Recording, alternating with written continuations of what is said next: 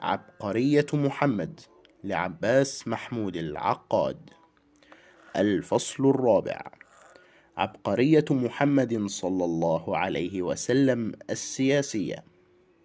سياسة الخصوم والأتباع.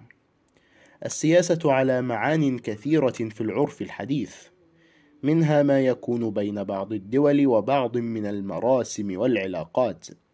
ومنها ما يكون بين هذه الدول من معاهدات وخطط في أعمالها الخارجية ومنها ما يكون بين الراعي ورعيته أو بين الأحزاب والوزارات من برامج ودعوات.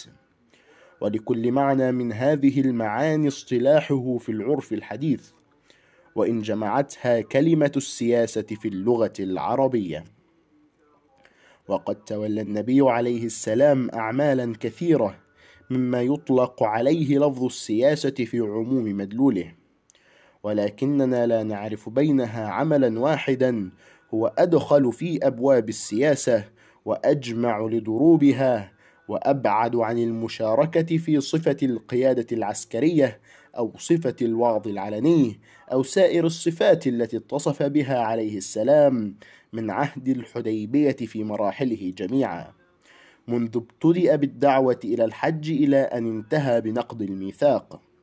ففي عهد الحديبية تدبير محمد صلى الله عليه وسلم في سياسة خصومه وسياسة أتباعه. وفي الاعتماد على السلم والعهد حين يحسنان ويصلحان والاعتماد على الحرب والقوة حين لا تحسن المسالمة ولا تصلح العهود. بدأ بالدعوة إلى الحج فلم يقصره في تلك السنة على المسلمين المصدقين لرسالته بل شمل به كل من أراد الحج من أبناء القبائل العربية التي تشارك المسلمين في تعظيم البيت والسعي إليه. فجعل له وللعرب أجمعين قضية واحدة في وجه قريش ومصلحة واحدة في وجه مصلحتها وفصل بذلك بين دعواها ودعوى القبائل الأخرى.